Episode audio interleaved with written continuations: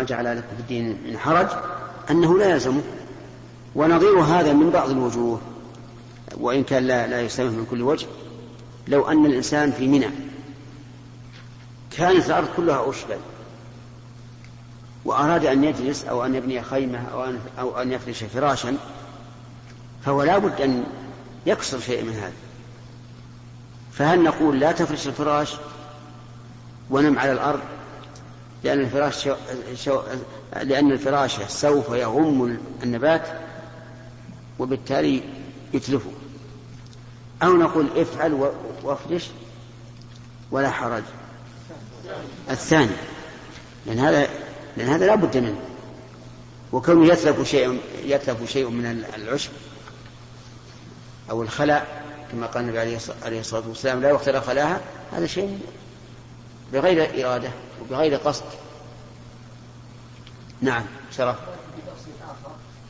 وإذا كان فسيحة جدا ولا يكون البهائم مضطرا إلى هذا العشب فيغلب فيه أما إذا كان كبستان صغير و يعني احتمال كبير جدا تحتاج البهائم قريبا إلى هذا العشب فلا بد أن ما كان فيها فعل يعني ما في ما في ضرورة.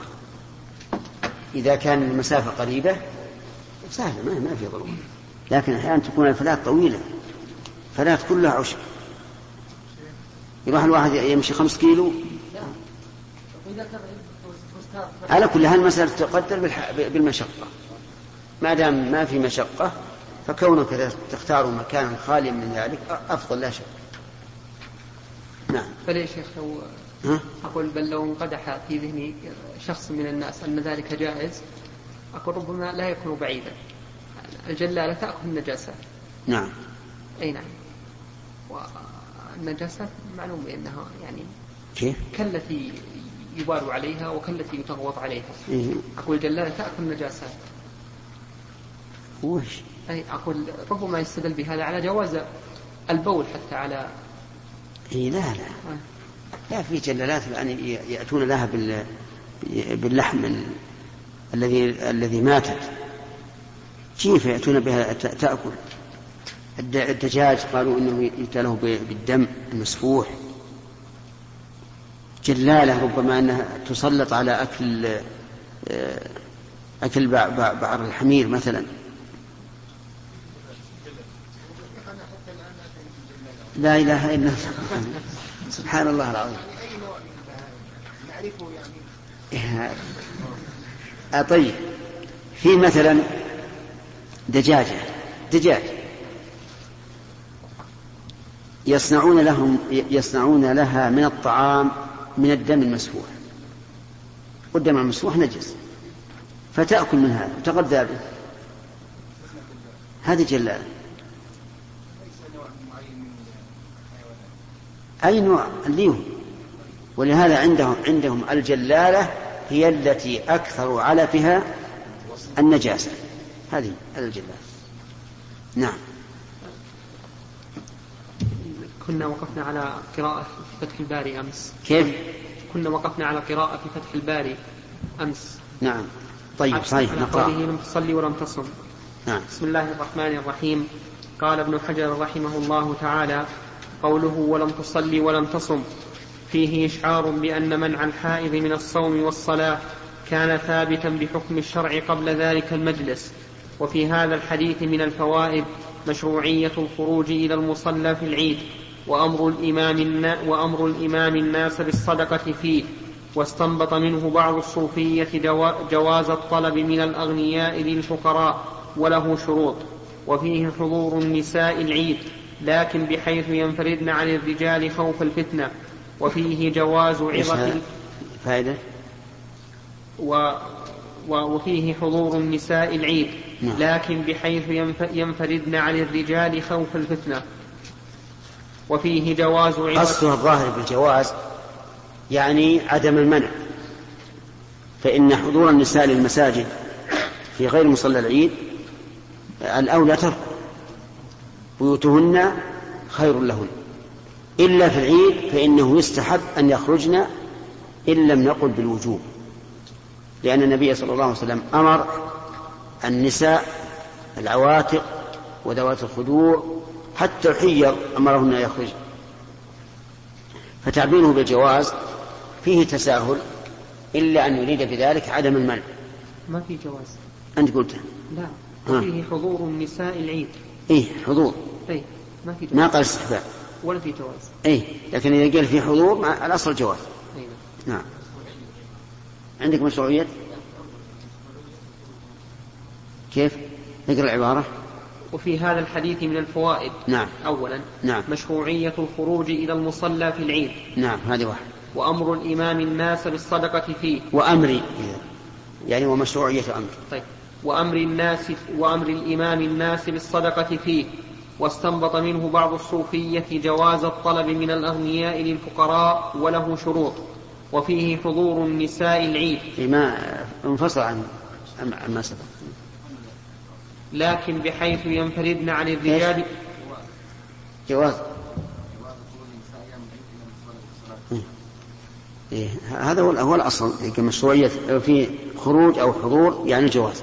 لكن على كل حال عرفتم انه سنة. خروج النساء إلى مصلى العيد لصلاة العيد سنة. نعم. لكن بحيث ينفردن عن الرجال خوف الفتنة وفيه جواز عظة الإمام. ويؤخذ من إيه؟ من قول أن أن الرسول نزل حتى أتى النساء. نعم. وفيه جواز عظة الإمام النساء على حدة. النساء, النساء, النساء على حدة. وقد تقدم في العلم. وفيه أن جحد النعم حرام. وكذا, وكذا كثرة استعمال الكلام القبيح كاللعن والشتم. واستدل النووي على أنهما من الكبائر بالتواعد عليه عليها بالنار.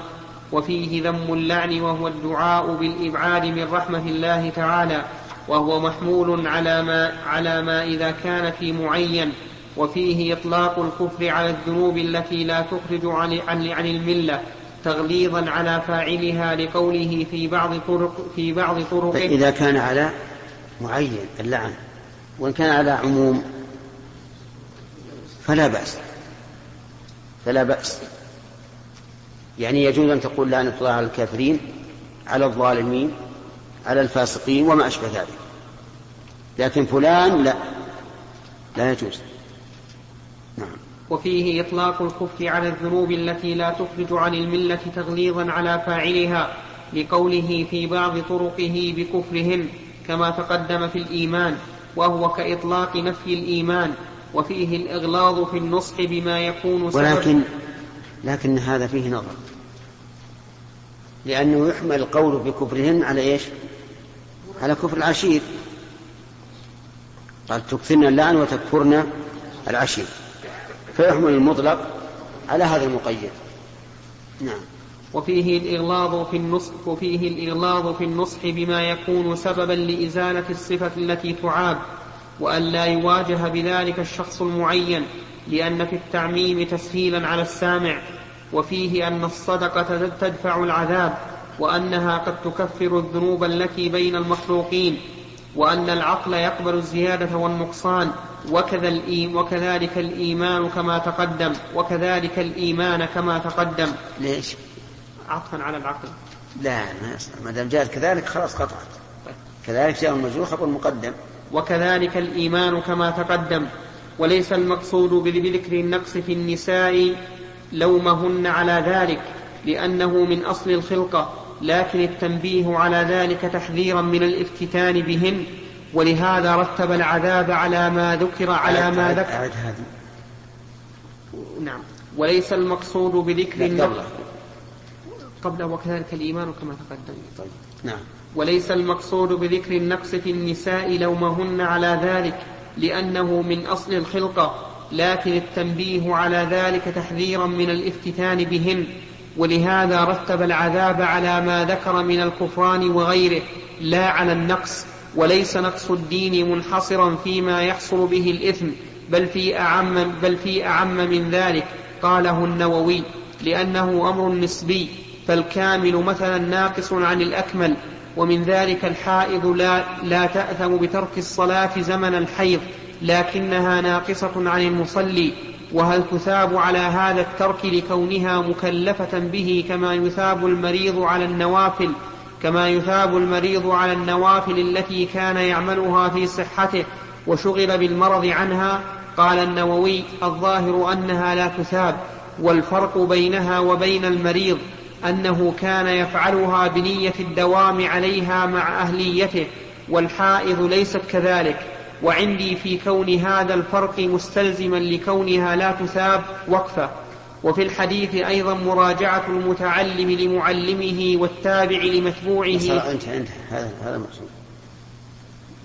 والظاهر يعني من تعليل النووي رحمه الله أن الإنسان الذي يفعل الرواتب النوافل وهو صحيح بقصد الاستدامة فإذا مرض تركها للمرض فكتب له أجر نقول حتى الحائض هي تفعلها بنية الاستدامة ما دامت مأمورة بها. ولهذا قال ابن حجر إن عنده وقفة في هذا. وهو صحيح. ولكن الأمر كما ذكرنا بالأمس أن هذا ما جاءت به السنة فقط. والله على والله سبحانه وتعالى أحكم الحاكمين وحكمه عدل ورحمة وفضل. نعم.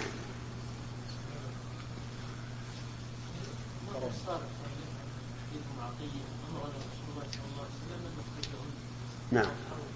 نعم. الظاهر الصارف إنه على سبيل الترغيب يشهدن الخير ودعوة المسلمين وأن الأصل أن المرأة ليست مأمورة بالمجامع. هذا هو الصارف. ولهذا ما رأيت أحدا من أهل العلم قال أنه يجب أن تخرج المرأة. أما صلاة العيد بالنسبة للرجال ففيها خلاف هل هي سنة مطلقا أو فرض كفاية أو فرض عين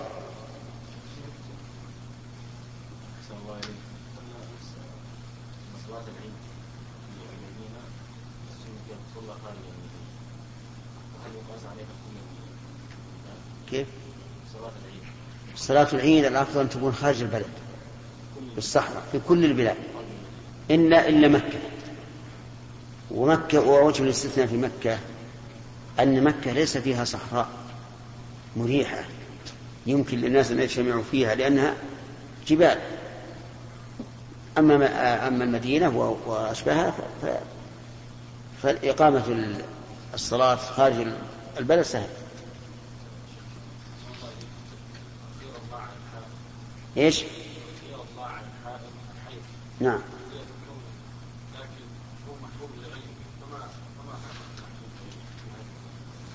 هو أصلا خلقه الله عز وجل لمصلحة الحائل. يعني لم يخلقه الله من أجل أن لا تصلي أو من أجل أن لا تصوم. خلقه الله عز وجل من أجل غذاء الولد. ما في شيء. معروف. ولا بد منه. نعم. بسم الله الرحمن الرحيم. الحمد لله رب العالمين وصلى الله وسلم وبارك على عبده ورسوله نبينا محمد وعلى آله وصحبه أجمعين.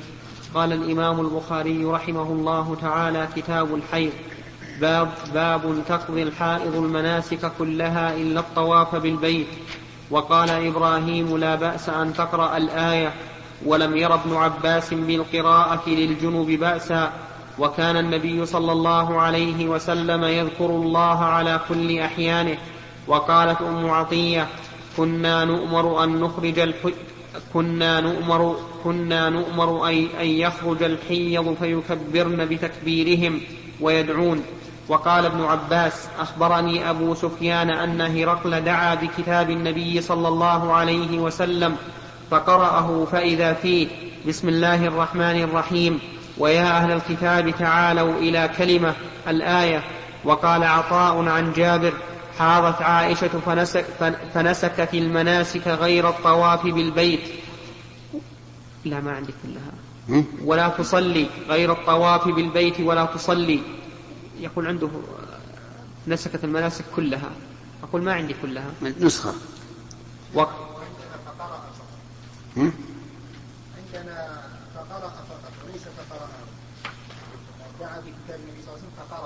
نعم. عنده فقرأه. نعم. هذا هو محل الاستدلال. نعم. نعم.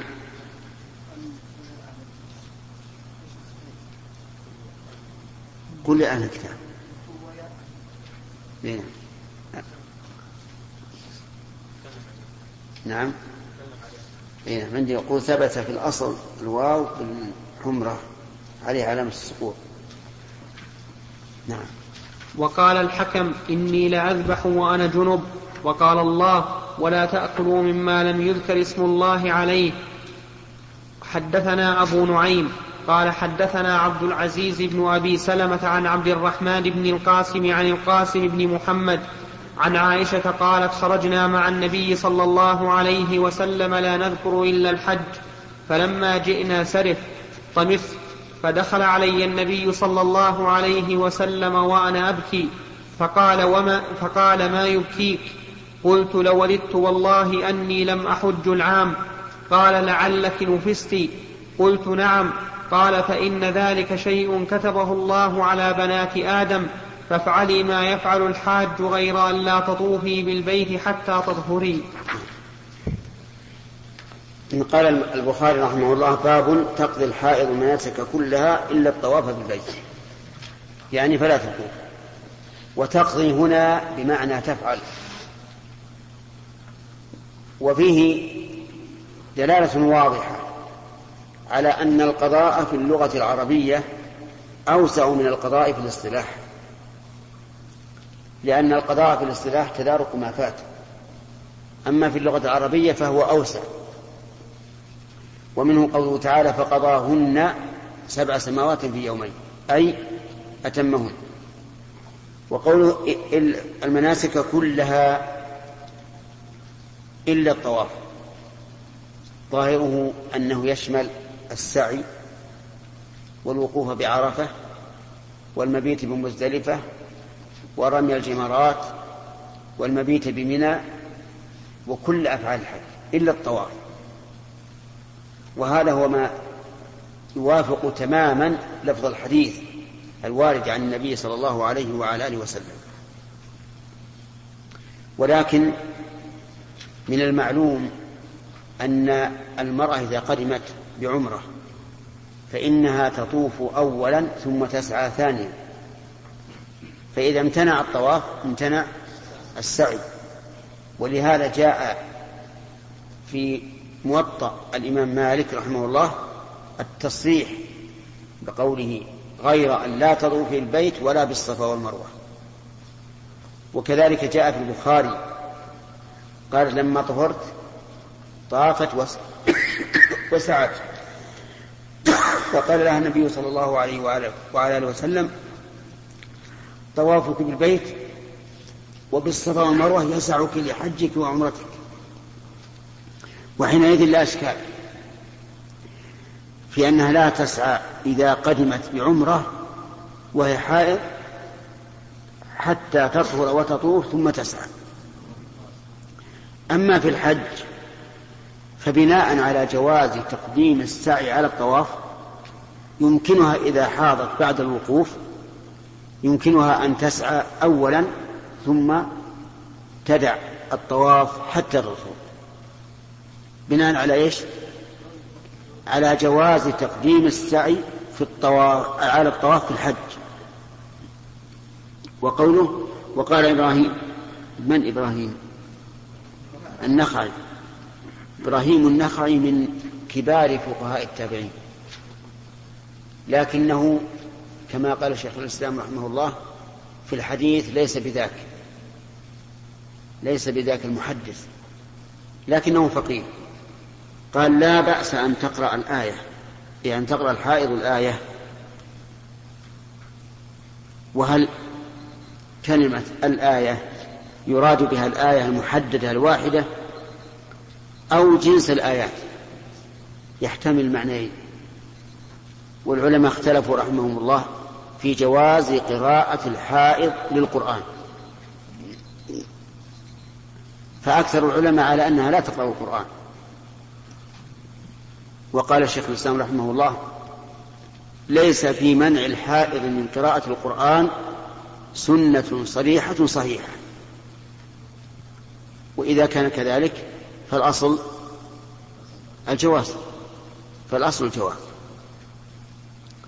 ولكن لو قيل إنها تقرأ ما احتاجت إلى قراءته في القرآن من القرآن وما لم تحتج إليه فلا حاجة أن تدخل نفسها في خلاف العلماء. فمما تحتاج إليه إذا كانت مدرسة ومما تحتاج إليه إذا كانت طالبة ومما تحتاج إليه أوراد الصباح أوراد الصباح والمساء. فهنا نقول لا بأس لأنه ليس هناك دليل صحيح صريح بالمنع ولكن احتياطا نقول ما قصد به الثواب فلا تقرأه لأنها إذا تركت قراءته فهي سالمة وإن قرأت فهي إما سالمة وإما و... نعم وإما آثمة أو إن شئت فقل إما غانمة للأجر والثواب وإما آثمة. ودع ما يريبك إلى ما لا يريبك فالذي أختاره وأفتي به الناس أن. أني أقول إذا كانت محتاجة لقراءة القرآن فلا بأس وإلا فالأولى ألا تقرأ والله أعلم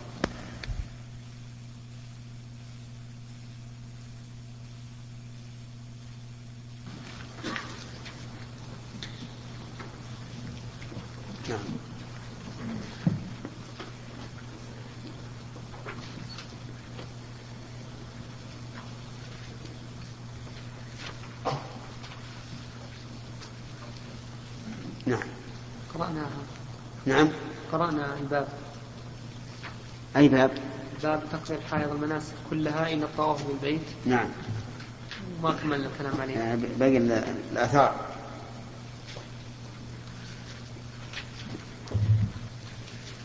قال البخاري رحمه الله تعالى باب تقضي الحائض المناسك كلها إلا الطواف بالبيت. وقال إبراهيم يعني نخعي لا بأس أن تقرأ الآية.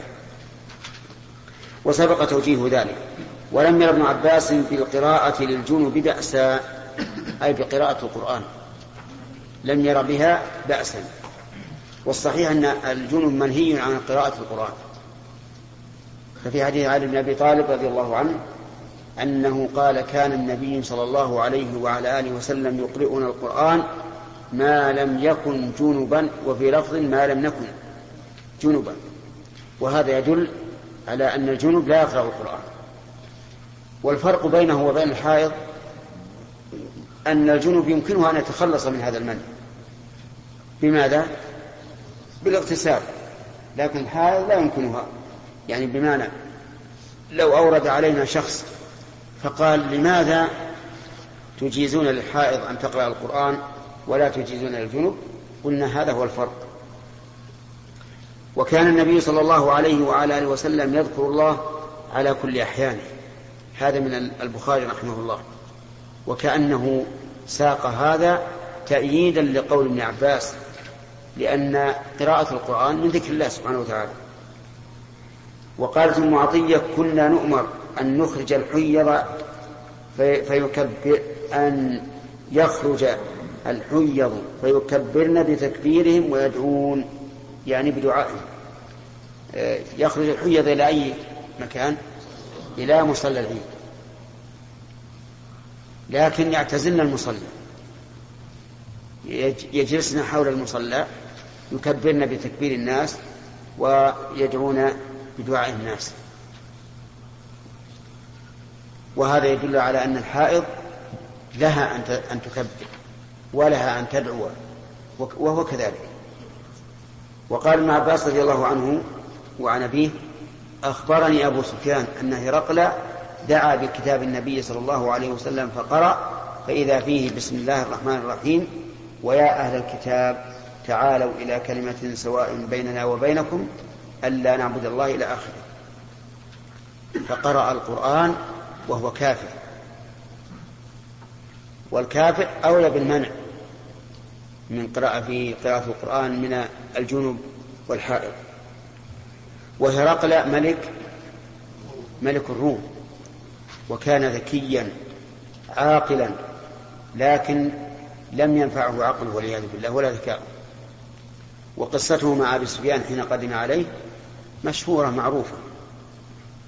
وقوله يا أهل الكتاب تعالوا إلى كلمة سواء بيننا وبينكم هذا مما أمر الله به رسوله صلى الله عليه وعلى آله وسلم أن يدعو أهل الكتاب.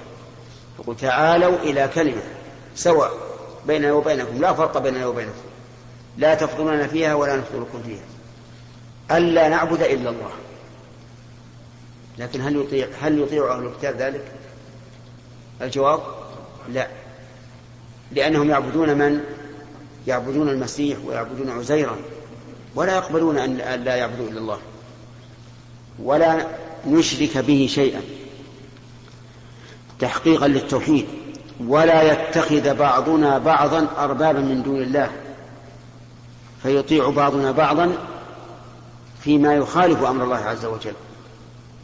وكأن في ذلك تنديد وكأن في ذلك تنديدا لما كان عليه بنو إسرائيل حين اتخذوا أحبارهم ورهبانهم أربابا من دون الله. فإن تولوا وأبوا فقولوا اشهدوا بأننا مسلمون. أي فأعلنوا أنتم أنكم مسلمون ولا تداهنونهم. وهذا هو الواجب أن يكون الإنسان معتزا بدينه فخورا به. إذا عارضه فيه أحد يقول نعم أنا مسلم أنا مؤمن وما أشبه ذلك حتى يكون له شخصية قوية وليعلم أن مثل هذه الكلمات بالنسبة للكافر كأنها رصاص في في صدره. إذا خرجت من قلب مخلص لأن الكلمة إذا خرج من قلب مخلص انهار العدو.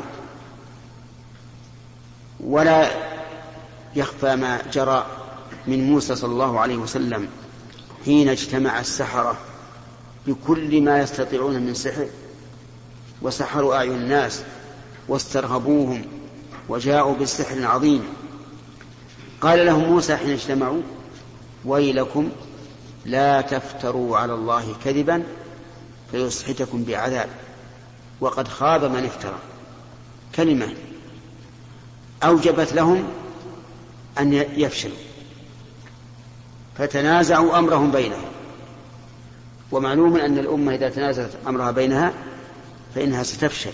كما قال تعالى ولا تنازعوا فتفشلوا. فالحاصل أن أن أهل الكتاب ندعوهم. نقول تعالوا إلى كلمة سواء بيننا وبينكم ألا نعبد إلا الله ولا نشرك به شيئا ولا يتخذ بعضنا بعضا أربابا من دون الله فإن تولوا فقولوا اشهدوا بأننا مسلمون. نعم. نشرح. وقال عطاء عن جابر حاضت عائشة فنسكت المناسك كلها فنسكت المناسك غير الطواف بالبيت ولا تصلي. نعم. هذا كما سبق. أن الحائض تقضي المناسك كلها إلا الطواف بالبيت. والسعي تابع للطواف بالبيت إذا كان في عمرة لأنه لا يمكن أن يكون سعي بدون طواف. قال وقال وقال الحكم إني لأذبح وأنا جنب. إني لأذبح وأنا جنب.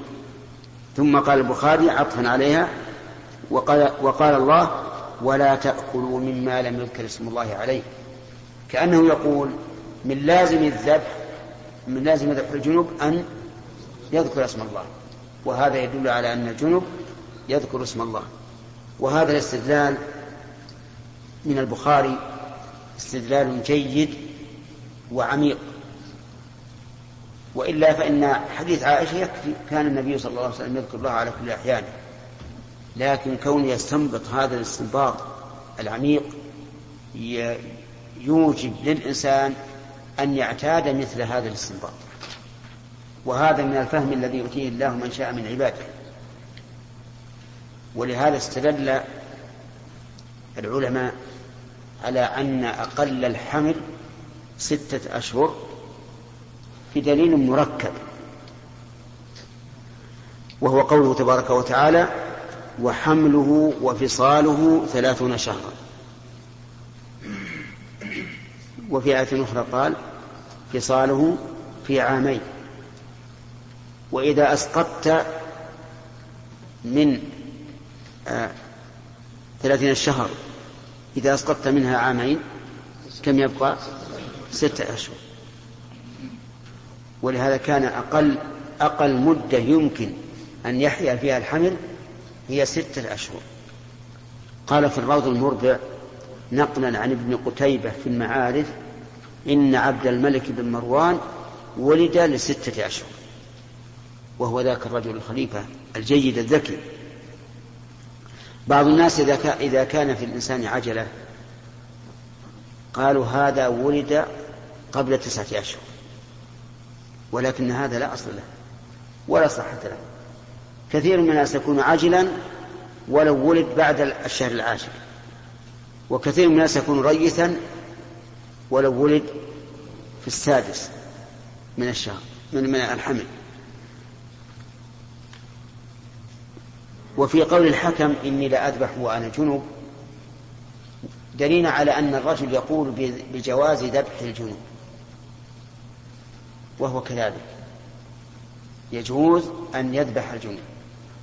لكن عند العامة أن ذبح الجنوب مكروه. ويدعون أن ذبح الجنوب لا ينضج.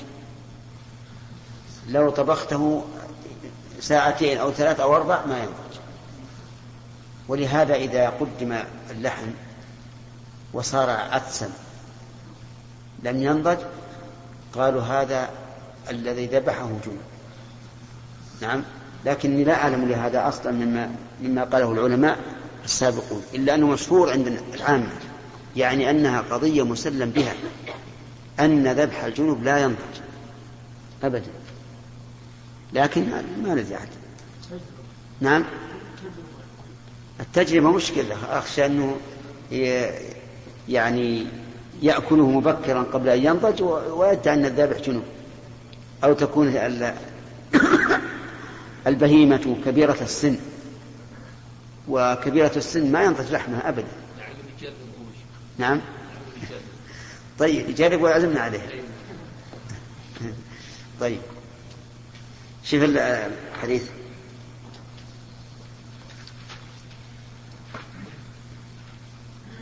ولم ولم يرى ابن عباس بالقراءة للجنوب بأسا. شرح أحمد.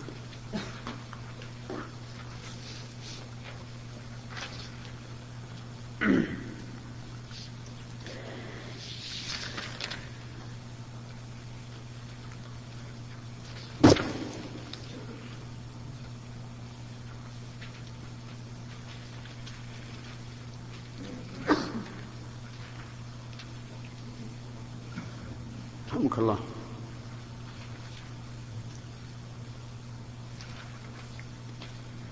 هنا يقول ثم أورد أثر ابن, عب أثر ابن عباس وقد وصله ابن المنذر بلفظ أن ابن عباس كان يقرأ ورده وهو جنب فقط.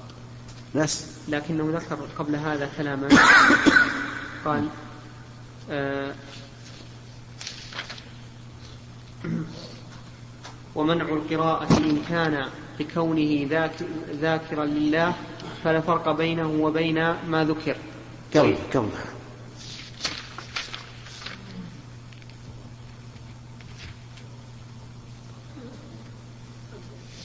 نعم. طيب. قوله باب باب تقضي الحائض أي تؤدي المناسك كلها إلا الطواف بالبيت. قيل مقصود البخاري بما ذكر في هذا الباب من الأحاديث والآثار أن الحيض وما في معناه من الجنابة لا ينافي جميع العبادات بل صحت معه عبادات بدنية من أذكار وغيرها فمناسك الحج من جملة ما لا ينافيها إلا الطواف فقط وفي كون هذا وفي كون هذا مراده نظر لأن كون مناسك الحج كذلك حاصل بالنص فلا يحتاج إلى الاستدلال عليه. والأحسن ما قاله ابن رشيد, ابن رشيد تبعا لابن بطال وغيره. إن مراده, الاستد إن مراده الاستدلال على جواز قراءة الحائض والجنب بحديث عائشة رضي الله عنها لأنه صلى الله عليه وسلم لم يستثن من جميع مناسك الحج إلا الطواف وإنما استثناه لكونه صلاة مخصوصة وأعمال الحج مشتملة على ذكر وتلبية ودعاء ولم تمنع الحائض من شيء من ذلك. فكذلك الجنب لأن حدثها أغلظ من حدثه ومنع القراءة إن كان ومنع القراءة إن كان لكونه ذكرا لله فلا فرق بينه وبين ما ذكر وإن كان تعبدا فيحتاج إلى دليل خاص ولم يصح عند المصنف شيء من الأحاديث الواردة في, في ذلك وإن كان مجموع ما ورد في ذلك تقوم به الحجة عند غيره. لكن أكثرها قابل للتأويل كما سنشير إليه. ولهذا تمسك البخاري ومن قال بالجواز غيره كالطبري وابن المنذر وداود بعموم حديث كان يذكر الله على كل أحيانه لأن الذكر أعم من أن يكون بالقرآن أو بغيره وإنما فرق بين الذكر والتلاوة بالعرف وإنما فرق بين الذكر والتلاوة بالعرف.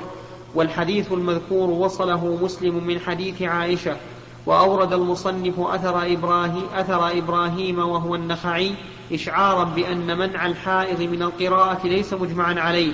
وقد وصله الدارمي وغيره بلفظ أربعة لا يقرؤون القرآن الجنب والحائض وعند الخلاء وفي الحمام إلا الآية ونحوها للجنب والحائض. وروي عن مالك نحو قول إبراهيم وروي عنه الجواز مطلقا وروي عنه الجواز للحائض دون الجنب. وقد قيل إنه قول الشافعي القديم في القديم ثم أورد أثر ابن عباس وقد وصله ابن المنذر بلفظ إن ابن عباس كان يقرأ ورده وهو جنب. فقط. طيب. هنا فيه ذكر كلام في ثنايا. طيب. وأما حديث أم عطية فوصله المؤلف في العيدين وقوله فيه ويدعون. كذا كذا ليكثر الرواة وللكشميهني يدعين بباء تحتانية بدل الواو بياء تحتانية بدل الواو. ووجه الدلالة منه ما تقدم من أنه لا فرق بين التلاوة وغيرها ثم أورد المصنف طرفا من حديث أبي سفيان في قصة هرقل وهو موصول عنده في بدء الوحي وغيره. ووجه الدلالة منه أن النبي صلى الله عليه وسلم كتب إلى الروم وهم كفار والكافر جنب. كأنه يقول إذا جاز مس الكتاب للجنب مع كونه مشتملا على آيتين فكذلك يجوز له قراءته. كذا قاله ابن رشيد. وتوجيه الدلالة منه إنما هي من حيث إنه إنما كتب إليهم ليقرؤوه. فاستلزم جواز القراءة بالنص لا بالاستنباط. وقد أجيب, من وقد أجيب ممن منع ذلك وهم الجمهور بأن الكتاب اشتمل على أشياء غير الآيتين غير الآيتين. فأشبه ما لو ذكر بعض القرآن في كتاب في الفقه أو في التفسير فإنه لا يمنع قراءته ولا مسه عند الجمهور لأنه لا يقصد منه التلاوة. ونص أحمد أنه يجوز مثل ذلك في المكاتبة لمصلحة التبليغ وقال به كثير من الشافعية. ومنهم من خص الجواز بالقليل كالآية والآيتين. قال الثوري لا بأس أن يعلم الرجل النصراني الحرف من القرآن عسى الله أن يهديه. يعلم. لا بأس أن يعلم الرجل النصراني الحرف من القرآن. رجل. لا بأس أن يعلم الرجل النصراني الحرف من القرآن. عسى الله أن يهديه. وأكره أن يعلمه الآية. هو كالجنب. وعن أحمد أكره أن يضع القرآن في غير موضعه. وعنه إن رجي منه الهداية جاز وإلا فلا. وقال بعض من منع لا دلالة في القصة على جواز تلاوة الجنب القرآن. لأن الجنب إنما منع التلاوة إذا قصدها وعرف أن الذي يقرأه قرآن. أما لو قرأ في ورقة ما لا يعلم أنه من القرآن فإنه لا يمنع وكذلك الكافر. وسيأتي مزيد لهذا في كتاب الجهاد إن شاء الله تعالى. وهنا نعم. مفرق الكلام. وهنا واستدل الجمهور على المنع بحديث علي. كان رسول الله صلى الله عليه وسلم لا يحجبه عن القرآن شيء ليس الجنابة رواه أصحاب السنن وصححه الترمذي وابن حبان. وضعف بعضهم بعض رواته. والحق أنه من قبيل الحسن يصلح للحجة. لكن قيل في الاستدلال به نظر. لأنه فعل مجرد فلا يدل على تحريم ما عداه وأجاب الطبري عنه بأنه محمول على الأكمل جمعا بين الأدلة. وأما حديث ابن عمر مرفوعا لا تقرأ الحائض ولا الجنب شيئا من القرآن فضعيف من جميع طرقه. وقد تقدم الكلام على حديث عائشة في أول كتاب الحيض. فقط. طيب. إيش يقول؟ تنبيه ذكر صاحب المشارق أنه وقع في رواية القابسي والنسفي وعبدوس هنا ويا أهل الكتاب بزيادة واو قال وسقطت في ابي ذر والاصيلي وهو الصواب قلت فافهم أن الأولى أن الأولى خطأ لكونها مخالفة للتلاوة وليست خطأ وقد تقدم توجيه إثبات الواو في بدء الوحي. ويا أهل الكتاب هذا توجيه واضح. أنه كتب بسم الله الرحمن الرحيم وكتب يا أهل الكتاب. تعالوا لكن لا قول الحافظ الشيخ نعم. قول الحافظ رحمه الله في الاستدلال فيه نظر لأن مجرد فعل ما يدل على الوجود. لا ما عشان هذا. عشان إسقاط الواو. اي لا لا هذه مسألة ثانية. المسألة اللي ذكر الشيخ سامة غير هذه المسألة كلها اي قال علينا غير. إسقاط الواو في قوله يا أهل الكتاب. وهي في القرآن. نعم إثبات الواو في قوله يا أهل الكتاب. وهي في القرآن بدون واو. قل يا أهل الكتاب تعالوا إلى كلمة. نعم؟ أي أقول إن, إن توجيهها ظاهر. توجيهها أنه قال فإذا فيه بسم الله الرحمن الرحيم ويا أهل الكتاب. يعني وفيه يا أهل الكتاب. لكن شوف كلام الحافظ رحمه الله في؟ في قوله في الاستدلال بحديث كان لا يحجبه شيء من القرآن نعم نعم جنابة. نعم. مجرد فعل. نعم. صحيح هو مجرد فعل. يعني فعل بما ترك. لكن لكن يمكن أن نجاب عن ذلك بأنه إذا كان النبي صلى الله عليه وسلم تحجبه جنابه عن قراءة القرآن وإبلاغ القرآن فهذا دليل على التحريم. لأن إبلاغ النبي صلى الله عليه وعلى آله وسلم للقرآن واجب.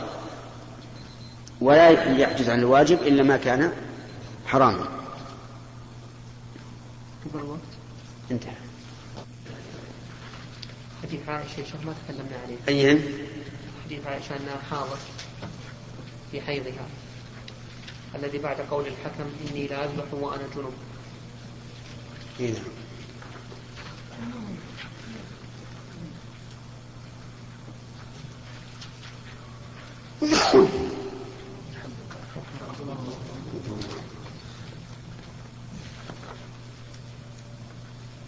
حسن؟ وقال الحكم نعم. إني لا أذبح الحديث الذي وأنا جنوب وقال الله تعالى ولا تأكلوا مما لم يذكر مما لم يذكر اسم الله عليه. بينا يعني السبب أن البخاري رحمه الله أتى بهذه الآية بعد قوله إني لاذبح وأنا جنوب لأن الذبح لا بد فيه من ذكر الله. أما حديث عائشة رضي الله عنها فقالت خرجنا مع النبي صلى الله عليه وعلى آله وسلم لا نذكر إلا الحج. يعني لا نذكر حال خروجنا إلا الحج ولا كانوا يعرفون الحج إلا الحج. إذ أن أهل الجاهلية يقولون إن العمرة في أشهر الحج من من أفجر الفجور. لكن في أثناء الطريق أمرهم النبي صلى الله عليه وآله وسلم أن يعتمروا.